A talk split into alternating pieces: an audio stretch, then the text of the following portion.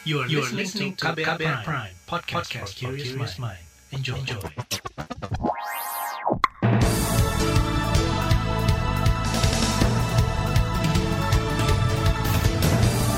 Selamat pagi saudara, kita berjumpa lagi bersama program Buletin Pagi edisi Rabu 6 Januari 2021 bersama saya Eka Juli. Sejumlah informasi pilihan sudah kami siapkan, di antaranya, BNPT akan mengawasi bebasnya narapidana terorisme Abu Bakar Ba'asyir. Belum memiliki legalitas, polisi ancam bubarkan kegiatan FPI baru. Pemprov Jawa Barat prioritaskan vaksin untuk 44 ribu tenaga kesehatan. Dan inilah Buletin Pagi selengkapnya. Terbaru di Buletin Pagi. Saudara Badan Nasional Penanggulangan Terorisme atau BNPT mengklaim tetap mengawasi pasca bebasnya terpidana kasus terorisme Abu Bakar Ba'asyir. Direktur Deradikalisasi BNPT Irfan Idris mengatakan, sesuai prosedur, lembaganya akan mendampingi kepulangan Ba'asyir hingga ke pondok pesantren Ngruki di Jawa Tengah.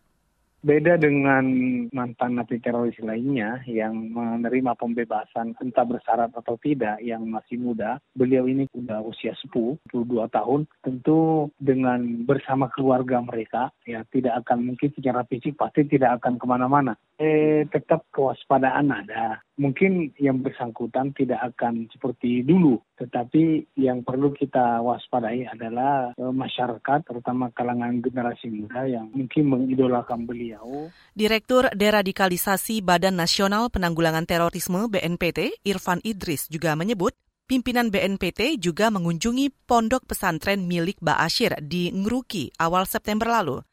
Dia menilai pondok pesantren itu tidak lagi tertutup dan radikal. Saudara terpidana kasus terorisme Abu Bakar Ba'asyir dijadwalkan bebas pada Jumat ini. Dia bebas dari penjara Gunung Sindur Bogor usai menjalani masa tahanan 15 tahun dipotong 55 bulan remisi. Sementara itu, Mabes Polri mengatakan akan terus mengawasi pergerakan terpidana kasus terorisme Abu Bakar Ba'asyir. Juru bicara Mabes Polri, Ahmad Ramadan mengatakan pengawasan akan dilakukan oleh bagian intelijen Polri. Sebenarnya bukan khusus ya, jadi sifatnya setiap orang akan dilakukan pemantauan. Jadi bukan khusus terhadap Abu Bakar Basir. Kita ada jajaran intelijen yang terus mengawasi orang-orang yang pernah melakukan tindak pidana, tindak pidana apa pun. Jadi kita punya intel dasar mengamankan seseorang. Jadi kegiatannya, pergerakannya kita akan selalu mengawasi. Juru bicara Mabes Polri, Ahmad Ramadan juga menambahkan, Kepolisian akan melakukan pengamanan saat proses pembebasan Abu Bakar Ba'asyir dari lapas Gunung Sindur, Jawa Barat. Pengamanan itu bagian dari tugas Polri untuk menjaga keamanan dan ketertiban masyarakat. Saudara rencananya keluarga Ba'asyir akan datang menjemput terpidana yang pernah menolak pembebasan bersyarat dari pemerintah itu. Keluarga bersiap menjemput Abu Bakar Ba'asyir. Anak Ba'asyir, Abdul Rohim mengatakan akan dibawa pulang ke pondok pesantren Al-Mukmin Ngruki, Sukoharjo, Jawa Tengah. Dari keluarga hari ini rencananya mau berangkat, insya Allah. Berapa orang?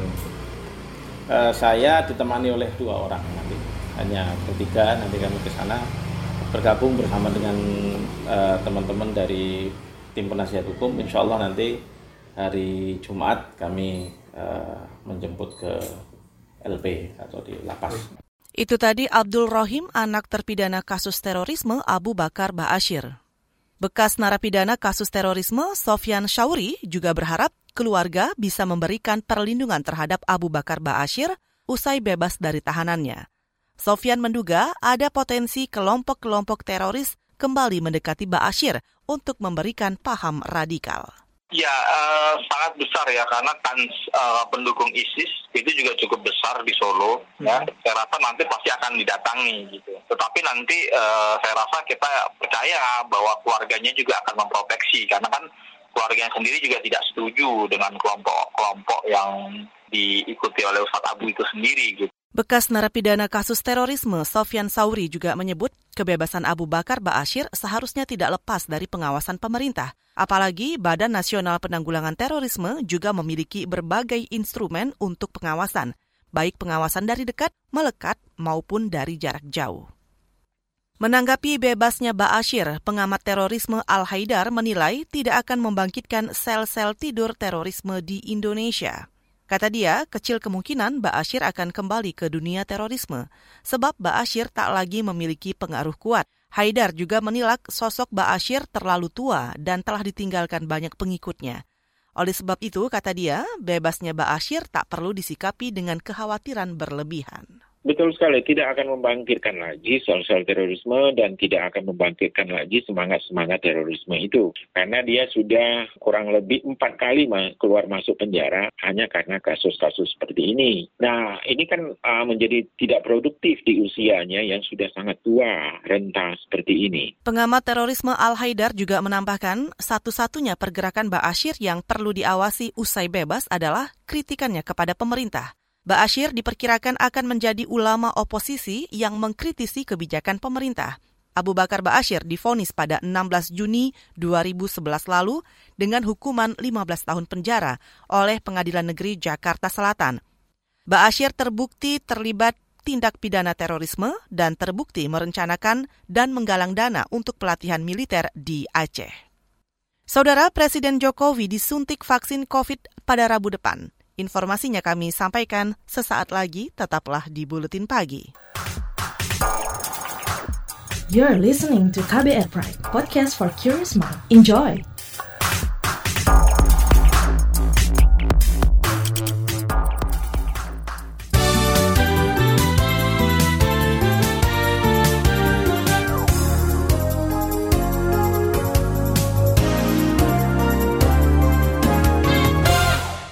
Anda sedang mendengarkan buletin pagi KBR. Saudara Presiden Joko Widodo mengatakan sekitar 15 juta vaksin COVID-19 dalam bentuk bahan baku akan tiba di Indonesia pekan depan. Jokowi menyebut 15 juta vaksin ini merupakan gelombang ketiga vaksin yang sampai di Indonesia. Insya Allah minggu depan juga akan datang lagi 15 juta vaksin dalam bentuk bahan baku bulk yang nanti akan diproduksi oleh Bio Farma sehingga juga langsung nanti jadi kirim ke daerah lagi untuk vaksinasi. Yang pertama memang prioritasnya di tenaga kesehatan, dokter, perawat yang ada di rumah sakit. Kedua nanti TNI, Polri, dan juga guru, dan langsung juga berbarengan dengan itu juga masyarakat. Presiden Jokowi juga mengatakan Bio Farma nantinya akan memproses bahan baku itu untuk diproduksi sehingga dapat segera didistribusikan ke daerah-daerah untuk melanjutkan program vaksinasi. Ia menyebut dalam dua hari terakhir ada 700 ribu vaksin yang dikirimkan hampir ke seluruh provinsi di Indonesia. Presiden Jokowi juga disebut akan mendapat suntikan vaksin corona pada Rabu pekan depan. Menurut Kepala Sekretariat Kepresidenan Heru Budi Hartono, suntikan vaksin COVID kepada Presiden ini akan disiarkan secara daring, sehingga dapat disaksikan masyarakat Indonesia. Saudara pemerintah mengklaim terus menyediakan tempat tidur untuk pasien COVID-19. Menurut juru bicara Satgas Penanganan COVID, Wiku Adhisa Smito, hal itu disiapkan lantaran kasus yang terus meningkat, bahkan kasus harian yang pernah mencapai 8.000 kasus per hari. Pemerintah uh, berusaha melakukan optimalisasi ketersediaan tempat tidur dengan target peningkatan sebesar 30 persen di setiap rumah sakit termasuk di dalamnya upaya penguatan implementasi tata laksana COVID-19 di fasilitas kesehatan non-rujukan. Juru bicara Satgas Penanganan COVID-19 Wiku Adhisa Smito juga mengatakan, Kementerian Kesehatan juga menambah 10 ribu tenaga kesehatan. Tujuannya untuk memastikan pelayanan kesehatan yang berkualitas. Hingga kemarin, penambahan kasus positif COVID mencapai lebih dari 7 ribu orang. Total kasus COVID di Indonesia mencapai hampir 780 ribu orang dengan 23 ribu lebih meninggal. Kita ke soal lain. Pemerintah menghentikan rekrutmen guru PNS dan menggantikannya dengan rekrutmen guru pegawai pemerintah dan perjanjian kerja atau P3K. Kepala Badan Kepegawaian Negara Bima Haryawi Bisana mengatakan, rekrutmen P3K ini tidak mengubah status kepegawaian guru menjadi tenaga honorer biasa, tapi menjadi aparatur sipil negara yang profesional. PNS dan PPPK ini memiliki kedudukan tugas dan tanggung jawab yang setara dalam memberikan pelayanan publik yang baik kepada masyarakat. Pembagian skema kerjanya, PNS ini lebih kepada atau difokuskan untuk pembuatan keputusan atau kebijakan melalui posisi manajerial. Sedangkan untuk PPPK ini difokuskan pada peningkatan kualitas pelayanan publik dan mendorong terjadinya percepatan peningkatan profesionalisme serta kinerja instansi pemerintah. Kepala Badan Kepegawaian Negara Bima Harya Wibisana juga menyebut kebanyakan negara maju memang membagi ASN menjadi dua, yakni PNS dan P3K atau pegawai pemerintah dengan perjanjian kerja. Kata dia, hal itu memudahkan jika sewaktu-waktu pemerintah membutuhkan guru besar dengan kompetensi tertentu dan pemerintah bisa langsung merekrutnya dari P3K. Nantinya, calon P3K tidak harus meniti karirnya dari bawah, tapi menempati jenjang yang sesuai dengan kompetensinya – baik jabatan jenjang muda maupun madya. Kita ke informasi hukum. Kepolisian mengancam akan membubarkan kegiatan dari Front Persatuan Islam atau FPI jika tidak memiliki legalitas. Organisasi ini dideklarasikan usai pemerintah melarang kegiatan Front Pembela Islam. Juru bicara Mabes Polri, Rudi Hartono, mengatakan FPI baru ini harus mendaftarkan jika ingin mendapat legalitas dan diakui negara sebagai organisasi masyarakat atau ormas. Tapi apabila dari FPI model baru apa pun namanya ternyata tidak mendaftarkan atau tidak mengikuti dengan aturan-aturan yang berlaku, artinya di sini ada kewenangan dari pemerintah untuk bisa melarang dan bisa membubarkan karena tidak mendaftarkan keorganisasiannya disesuaikan dengan undang-undang yang berlaku. Juru bicara Mabes Polri Rusdi Hartono juga mengklaim tidak adanya legalitas itu jadi alasan polisi untuk membubarkan kegiatan yang mengatasnamakan Front Persatuan Islam. Pemerintah juga punya alasan untuk melarang jika FPI baru itu tidak punya dasar hukum. Kita ke mancanegara, Sedikitnya 20 orang tewas di sebuah desa di timur Republik Demokratik Kongo akibat serangan pemberontak. Dikutip dari AFP, sumber di misi PBB di Kongo mengatakan para militan melancarkan serangan pada Senin malam waktu setempat. Mereka membunuh penduduk di desa Mwenda dengan parang dan senjata api. Sementara itu, seorang pejabat setempat dituding menuding pelaku serangan berasal dari pasukan demokratik sekutu sebuah kelompok pemberontak Islam di Uganda. Kelompok ini dinilai paling mematikan di antara puluhan yang masih aktif di wilayah timur Kongo. Kita ke berita olahraga. Tottenham Hotspur menyudahi perlawanan klub divisi 2 Liga Championship Brentford 2-0 dalam semifinal Piala Liga Rabu dini hari tadi. Dua gol untuk tuan rumah Spur dipetik oleh Moussa Sissoko dan Son Heung-min Spurs akan menghadapi Manchester United atau Manchester City pada final April mendatang. United menjamu City dalam derby Manchester pada semifinal Piala Liga di Old Trafford Kamis dini hari nanti. Saudara, laporan khas KBR tentang tenaga kesehatan menanti vaksin COVID-19 kami hadirkan sesaat lagi, tetaplah di Buletin Pagi. You're listening to KBR Pride, podcast for curious mind. Enjoy!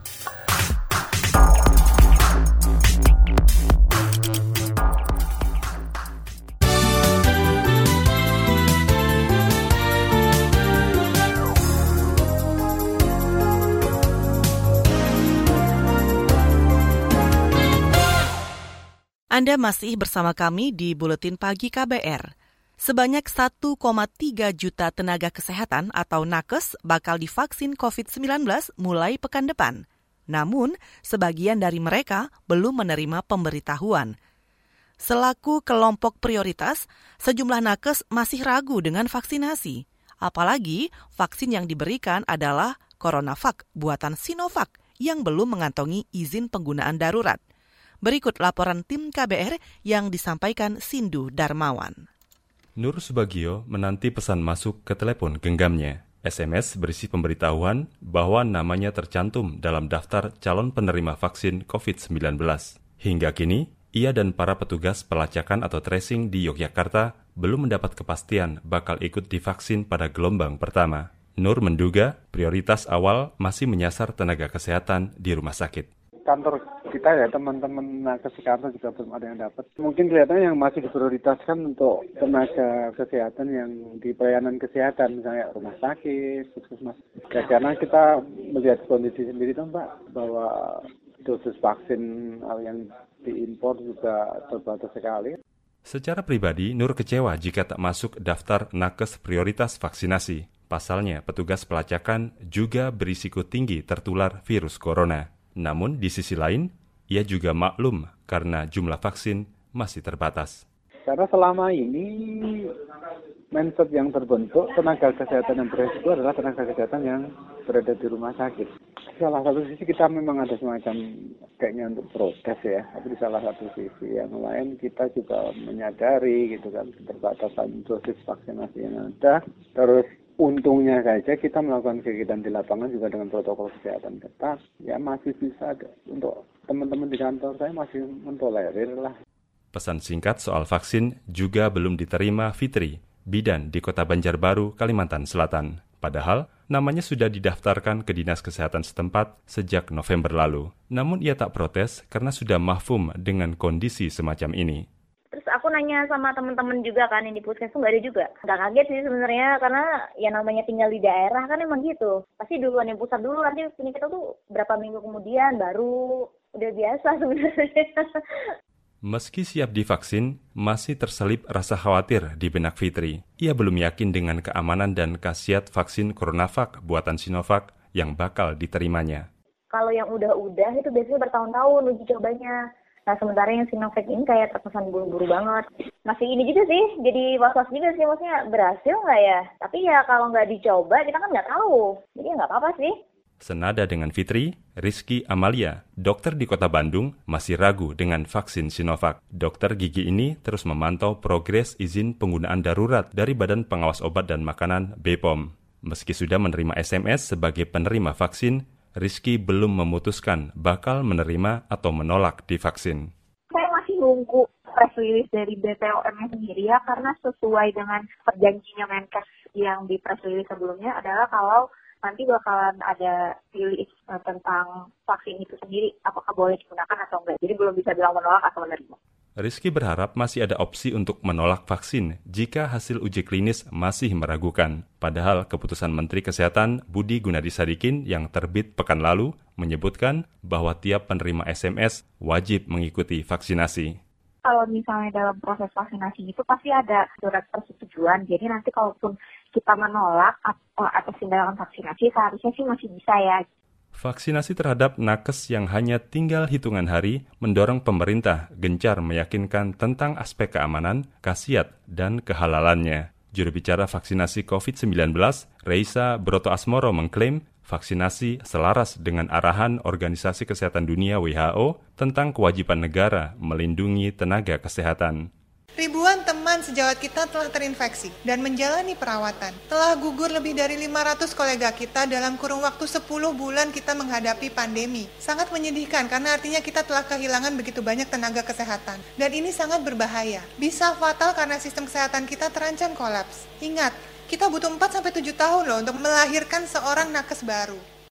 Dari aspek kehalalan, Reisa menyebut ulama Mesir dan Uni Emirat Arab membolehkan vaksinasi COVID-19. Secara khusus, ia mencontohkan putra mahkota Kerajaan Saudi Mohammed bin Salman yang sudah menerima suntikan vaksin. Putra mahkota Arab Saudi, tokoh terkuat di Timur Tengah dan juga gubernur Mekah sudah menerima vaksin COVID-19. Reisa meyakinkan para nakes bahwa vaksin COVID-19 buatan Sinovac aman karena sudah melewati uji klinis tahap 1 dan 2. Selain itu, Proses uji klinis di Bandung melibatkan para pakar dengan pengalaman puluhan tahun. Tujuan utama melindungi para nakes adalah agar kita semua ini tetap bisa menjadi orang yang memberikan perawatan dan bukan menjadi yang dirawat. Vaksin akan memperkecil resiko kita mengalami infeksi karena terpapar virus SARS-CoV-2. Laporan dari Turki, Brazil, dan beberapa negara lainnya menyatakan vaksin ini efektif dan para ahli yang mengawasi uji klinis di Bandung pun tidak menemukan sesuatu yang mengkhawatirkan. Demikian laporan tim KBR. Saya Sindu Darmawan. Selanjutnya kami hadirkan informasi dari daerah. Tetaplah di Buletin Pagi. Commercial Break. Psikolog klinis Gisela Tani Pratiwi membagi tips caranya berdamai dengan trauma masa kecil uh, ayah atau ibu saya mengata-ngatai saya dengan kalimat tertentu. Misalnya kamu bodoh, misalnya katakan gitu ya. Itu terngiang terus sama saya, itu dampak emosinya apa ke saya? Gitu ya. Jadi pemicunya apa, dampak emosinya apa, lalu sensasi badannya seperti apa, kemudian pemikiran apa yang muncul. Oh iya, memang saya bodoh, saya nggak bisa ngapa-ngapain. Terus emosinya saya jadi merasa sangat sedih, sangat menyalahkan diri kayak gitu ya segala macam. Nah itu dikenali dulu aspek-aspek ini. Kalau misalnya sudah dikenali bisa dikeluarkan. Simak obrolan selengkapnya dalam podcast Disco Diskusi Psikologi dalam episode Berdamai dengan Trauma Masa Kecil di kbrprime.id dan platform mendengar podcast lainnya.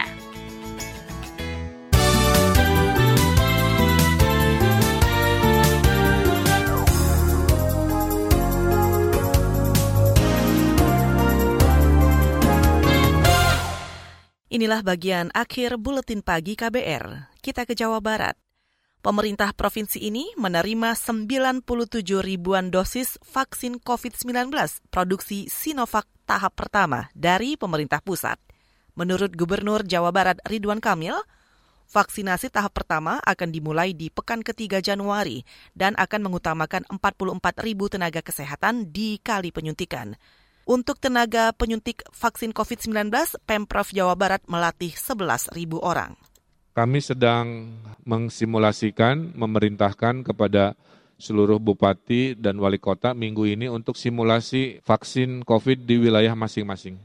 Depok sudah oleh saya, Bogor sudah oleh Pak Presiden, Kabupaten Bekasi sudah oleh Pak Wapres, Nah, sisanya akan dilakukan oleh bupati wali kota masing-masing. Gubernur Jawa Barat Ridwan Kamil juga mengklaim tengah mengusahakan tambahan lokasi vaksinasi COVID guna mempercepat proses yang awalnya direncanakan selama 15 bulan oleh pemerintah pusat. Rencananya sekitar 33,5 juta warga Jawa Barat akan menjalani imunisasi sebanyak dua dosis, sehingga vaksin COVID yang diperlukan mencapai 67 juta dosis. Saudara Dewan Perwakilan Daerah meminta pemerintah segera menstabilkan harga kedelai di pasaran. Ketua DPD Lanyala Mahmud Mataliti dalam keterangan tertulisnya mendesak Kementerian Perdagangan segera mencari solusi untuk menstabilkan harga kedelai. Selain itu, DPD juga meminta pemerintah memastikan ketersediaan stok kedelai sebagai bahan dasar tahu dan tempe. Sudah dua pekan ini harga kedelai naik. Menurut pengrajin tahu asal Jombang, Siti Aminah, saat ini harga mencapai Rp9.000 per kilogram, dari sebelumnya sekitar Rp6.000 per kilogram. Akibatnya, pengrajin tahu terpaksa memperkecil ukuran produk agar tetap bertahan. Yang kecil bertahan, ya memang ya sedikit apa labanya sedikit. Biasanya di beres 45 jadi 48 yang 40 jadi 42 gitu. Itu harga berapa? 1000. Yang 48 itu 2503 tapi di apa? Pengrajin tahu asal Jombang Siti Aminah juga mengklaim tidak menaikkan harga jual tahu siap masak. Ia khawatir pelanggannya akan berkurang jika harga tahu lebih mahal dari sebelumnya.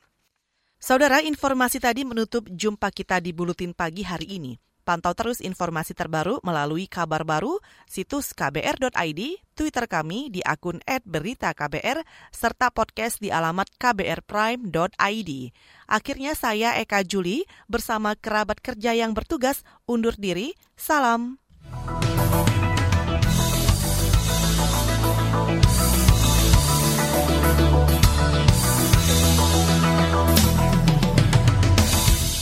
KBR Prime, cara asik mendengar berita.